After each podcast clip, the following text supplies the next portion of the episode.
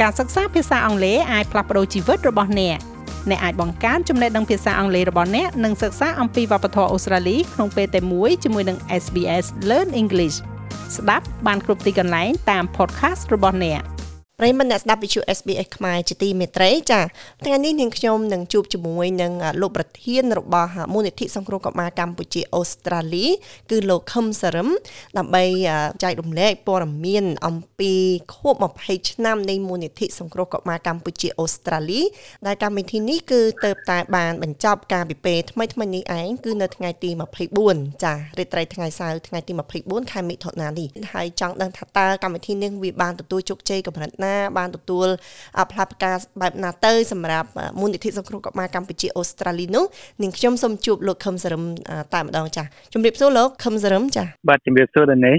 ចាជំរាបសួរហើយនាងខ្ញុំសូមថ្លែងអំណរគុណខ្លាំងណាស់ដែលបានផ្ដល់ពេលវេលាដ៏មានតម្លៃជូនមក SBS ខ្មែរចាអត់ពេលថ្មីថ្មីនេះគឺយើងមានព្រឹត្តិការណ៍ដ៏ធំមួយពីមូលនិធិសង្គ្រោះកុមារកម្ពុជាអូស្ត្រាលីដែលធ្វើឲ្យបងប្អូននៅក្នុងសហគមន៍ខ្មែររបស់យើងមានភាពសប្បាយរីករាយខ្លាំងមែនទែនប៉ុន្តែនៅតែចង់បានដឹងព័ត៌មានពីលោកប្រធានមូលនិធិផងដែរថាតើកម្មវិធីនេះប្រពប្រពទៅបញ្ចប់ទៅដោយភាពជោគជ័យដោយតែបានឃើញរូបភាពដែរឬយ៉ាងណាចា៎បាទអរគុណណាស់បាទអឺ សកម្មភាពធំសំខាន់មួយរបស់មូលនិធិសង្គ្រោះកុមារកម្ពុជាអូស្ត្រាលីគឺយើងរៀបចំជាការប្រគំតន្ត្រីដើម្បីរាយអង្គាសថវិកាសម្រាប់គម្រោងអប់រំនៅក្នុងប្រជាណាចក្រកម្ពុជារបស់យើងហើយនៅកាលពីចុងសប្តាហ៍កន្លងទៅនេះគឺនៅថ្ងៃទី24នេះគឺយើងបានរៀបចំកម្មវិធីធំមួយនៅទីក្រុង Melbourne នៅ Springvale Town Hall ដែលមានតារាល្បី ចូលរួមមកពីកម្ពុជាដូចជានាងអុកគុណកញ្ញាអ្នកចម្រៀងជាបរិសគឺលោក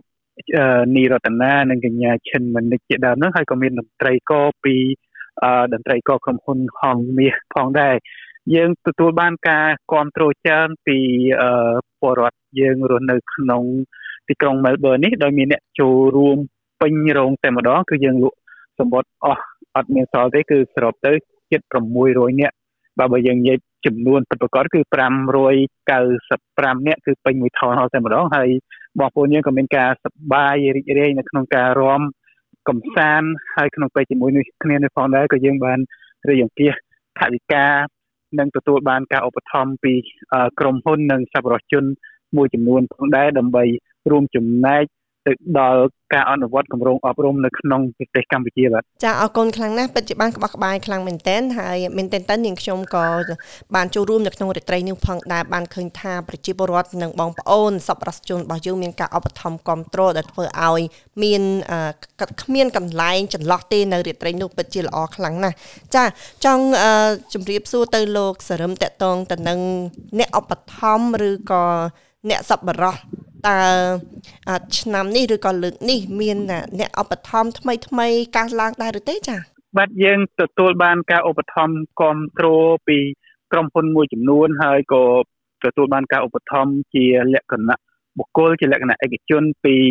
អ្នកចូលរួមផងដែរហើយអ្នកឧបត្ថម្ភធំនៅក្នុងការប្រគំតន្ត្រីនៅទីក្រុង Melbourne កាលពីថ្ងៃទី24នេះគឺយើងទទួលបានការឧបត្ថម្ភ អំពី NGIV មានន័យថា Nursery Industry Victoria គឺឧស្សាហកម្មខាងអឺកូនឈើគេឧបត្ថម្ភធំនៅក្នុងកម្មវិធីយើងកាលពីថ្ងៃនោះហើយក្រៅពីនេះក៏មានអ្នកឧបត្ថម្ភក្រុមហ៊ុនចាស់ចាស់ដែលជា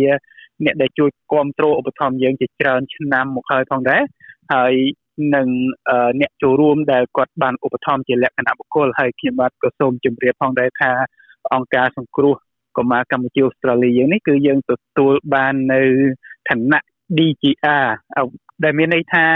គ្រប់ការផ្ដល់ជាអំណោយទៅដល់អង្គការដែលមានតម្លៃលើសពី2ដុល្លារគឺអាចអឺទូទាត់ជាមួយនឹងក្រសួងពន្ធដារវិញបានមានន័យថាប្រសិនបើយើងត្រូវបង់ពន្ធដារប្រចាំឆ្នាំគឺយើងអាច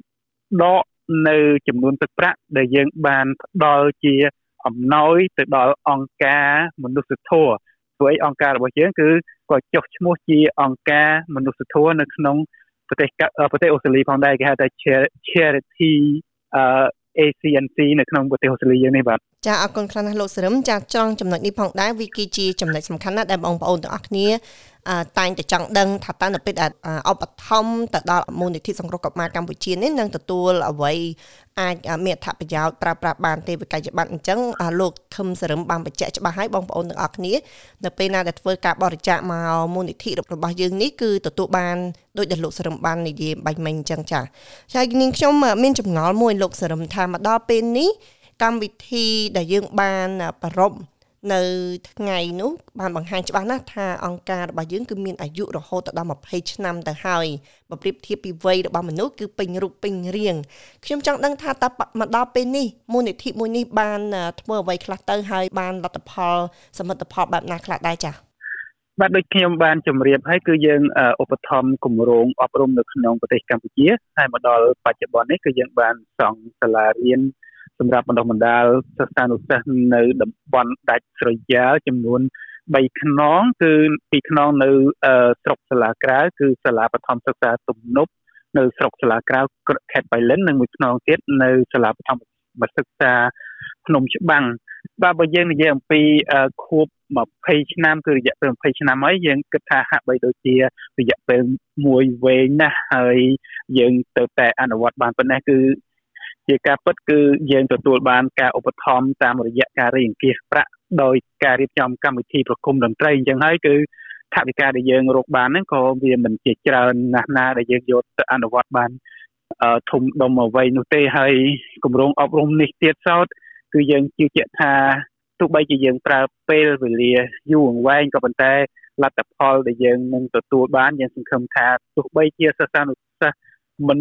អាចជួយអ្វីច្រើនប្រសិនបើគេអាចជួយខ្លួនឯងឲ្យរស់នៅក្នុងសង្គមខ្លាយជាពលរដ្ឋល្អហើយប្រសិនបើពិសេសជាងនេះទៅទៀតគឺប្រសិនបើគេអាចខ្លាយទៅជាអ្នកដឹកនាំគឺក្រឹតតែប្រសើរទៀតដើម្បីជួយទៅដល់អ្នកដែលអត់ឬក៏អ្នកដែលខ្វះខាតប្រទេសទៀតនៅក្នុងសង្គមហើយជាមួយគ្នានេះផងដែរក៏យើងបានអនុវត្តគម្រោងសាក់លបងដោយផ្ដល់អាហារូបករណ៍ទៅដល់និស្សិតនិងសិស្សស្ត្រីចំនួន 10ម្នាក់ដែលយើងចាប់ផ្ដើមអនុវត្តគម្រោងនៅក្នុងឆ្នាំនេះដោយសហការជាមួយនឹងសមាគមផ្ទះទឹកដូងហើយ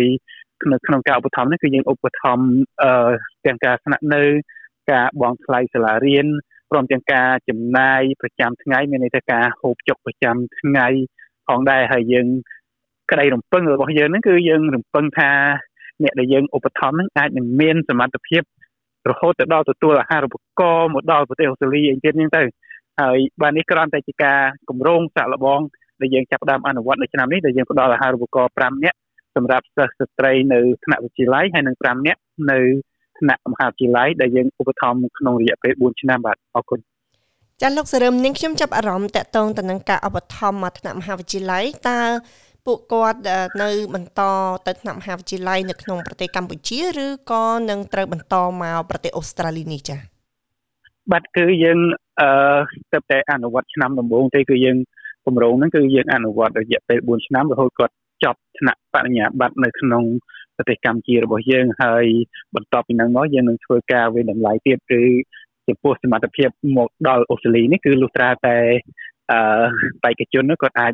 ដាក់ពាក្យសុំដោយខ្លួនឯងជាមួយនឹងរដ្ឋាភិបាលអូស្ត្រាលីព្រោះអីជាការចំណាយមួយធំបើមិនដូច្នោះទេយើងនឹងអាចនឹងមានលទ្ធភាពធ្វើការសហការជាមួយនឹង ស្ថាប័នណាមួយនៅក្នុងប្រទេសអូស្ត្រាលីប៉ុន្តែមិនមែនជាអ្វីដែលយើងអាចសន្យាបានទេប៉ុន្តែយើងនឹងព្យាយាមដើម្បីបំពេញការងារនេះបន្តទៀតអាស្រ័យទៅលើលទ្ធផលថាតើយើងនឹងទទួលបាន មានលក្ខណៈកត់ចិត្តប៉ុណ្ណាបាទចាអរគុណខ្លាំងណាស់ដោយបានក្បោះក្បាយនៅត្រង់ចំណុចនេះផងដែរហើយប៉ុន្តែនាងខ្ញុំក៏ដឹងថាបងប្អូនដែលជាអ្នកសិក្សាមានការចាប់អារម្មណ៍ខ្លាំងណាស់ចំពោះចំណុចនេះចាជាពិសេសគឺអ្នកសិក្សាដែលតែងតែមានការយកចិត្តទុកដាក់ស្វែងរកនៅព័ត៌មានអាហារូបករណ៍នាងខ្ញុំជឿជាក់ថាបងប្អូនក៏ ព្យាយាមនិងទន្ទឹងរង់ចាំនៅព័ត៌មានបន្ថែមទៀតពីមូលនិធិសង្គ្រោះកុមារកម្ពុជាអូស្ត្រាលីរបស់យើងតែយើងនឹងមិនធ្វើការចែកជូនព័ត៌មានលម្អិតនៅក្នុងពេលនេះទេ តែនាងខ្ញុំនឹងព្យាយាមចែកជូនបងប្អូននៅពេលអនាគតតាមដែលអាចធ្វើទៅបានចាស់លោកសរឹមនាងខ្ញុំក៏អាចមើលឃើញដែរថានេះគឺជាលទ្ធសមិទ្ធផលនិងជាលទ្ធផលដ៏ផ្អែមត្រជាក់សម្រាប់អ្នកស្ម័គ្រចិត្តរបស់មូលនិធិសង្គ្រោះកុមារកម្ពុជាដែលខិតខំប្រឹងប្រែងធ្វើកិច្ចការងារកន្លងមកក៏ព្រោះតែចង់ឃើញនៅអនាគតរបស់កុមារមារកម្ពុជាដ៏ត្រចះត្រចង់នេះឯងអញ្ចឹងបងប្អូនទាំងអស់គ្នាក៏អាចមានក្តីរំភើបជាមួយនឹងនាងខ្ញុំហើយក៏ឃើញថារយៈពេល20ឆ្នាំមកនេះមូលនិធិសង្គ្រោះកុមារកម្ពុជាអូស្ត្រាលីគឺពិតជាបានខិតខំយ៉ាងសស្រាក់សស្រាំហើយក៏ជាមោទនភាពមួយសម្រាប់បងប្អូនប្រជាពលរដ្ឋកម្ពុជារបស់យើងដែលបានចូលរួមចំណាយជាមួយនឹងមូលនិធិសង្គ្រោះកុមារកម្ពុជាអូស្ត្រាលីហើយក៏បានឃើញនៅការខិតខំប្រឹងប្រែងរបស់មូលនិធិសង្គ្រោះកុមារកម្ពុជាកន្លងមកនេះចាដោយមិនមានការនឿយហត់ខ្លាំងទេទោះបីជាមានការនឿយហត់ក៏មិនអាចបោះបង់នៅកិច្ចការងារដ៏មានប្រយោជន៍នេះផងដែរអញ្ចឹងនាងខ្ញុំសូមជួបទៅលោកខឹមសរឹមម្ដងទៀតតកតងទៅនឹងបន្តទៅទៀតនេះបន្ទាប់ពីតន្ត្រីចាសប្បុរសធម៌នៅទីក្រុងមែលប៊នយើងហើយតាមមូលនិធិសង្គ្រោះកុមារកម្ពុជានឹងប្រារព្ធពិធីនេះនៅទីណាទៀតចា៎អរគុណនៅនេះហើយនៅក្នុងកម្មវិធីប្រគំតន្ត្រីជាលើកទី2នៅក្នុងឆ្នាំនេះគឺយើងនឹងធ្វើនៅ ទីក្រុង Adelaide នៅអង្គរ Hall នៅថ្ងៃសៅរ៍សប្តាហ៍នេះគឺនៅថ្ងៃទី1ខែកក្កដាឆ្នាំ2023នេះហើយប្រសិនបើបងប្អូនប្រជាពលរដ្ឋខ្មែរនៅរស់នៅរដ្ឋសៅអូស្ត្រាលីប្រសិនបើមិនទាន់បានជាវសម្បត្តិទេអាចអញ្ជើញជាវសម្បត្តិចូលរួមទាំងអស់គ្នាមានន័យថាមានឱកាសសប្បាយរំកំសាន្តនិងបានជួបដោយផ្ទាល់ជាមួយនឹងតារាល្បីមកពីប្រទេសកម្ពុជាហើយក្នុងពេលជាមួយគ្នានេះផងដែរក៏ជាការចែករំលែក ដល់ប្រពៃផងដែរនៅនៅថវិការបស់បងប្អូនក្រៅពីចំណាយទៅលើការជួលទីកន្លែងព្រមទាំងថ្លៃចំណាយទៅលើម្ហូបអាហារគឺយើងនឹងអាចសល់ថវិកាមួយចំនួនទៀតសម្រាប់អនុវត្តគម្រោងអប់រំនៅក្នុងប្រទេសកម្ពុជាយើងបាទចាអរគុណខ្លាំងណាស់លោកខឹមសរឹមចាចំពោះព័ត៌មានមានសារៈសំខាន់នេះលោកខឹមសរឹមមានអ្វីចង់ផ្ដាំផ្ញើទៅប្រិមិត្តរបស់យើងជាចុងក្រោយនេះចាបាទសូមអរគុណហើយខ្ញុំសូមបញ្ជាក់ថាគ្រប់គណៈកម្មាធិ ការទាំងអស់ព្រមទាំងខ្ញុំជាប្រធានផងដែលបំពេញការងារនេះគឺជាការងារស្ម័គ្រចិត្តទាំងស្រុងគឺយើងមិនទទួលបានកម្រៃ1ដុល្លារឬក៏2ដុល្លារណាទេគឺយើងមានតែចំណាយនៅពេលវេលានិងថវិកាផ្ទាល់ខ្លួននៅក្នុងការចាក់សាំងឡានឬមួយក៏មធ្យោបាយផ្សេងផ្សេងទៅទទួលអ្នកចម្រៀងពីពលានយន្តហោះហើយជាលរការនេះខ្ញុំក៏សូមថ្លែងអំណរគុណយ៉ាងជ្រាលជ្រៅដល់សមាជិកគណៈកម្មាធិការទាំងអស់ជាពិសេសគឺ ស្ថាបនិកបងស្រីប៊ុនលូស៊ីដាដែលព្យាយាមយ៉ាងអស់លទ្ធភាពនៅក្នុងការជួយជ្រោមជ្រែងដំណើរការរបស់អង្គការសង្គ្រោះកុមារកម្ពុជាអូស្ត្រាលីក្នុងរយៈពេល20ឆ្នាំនិង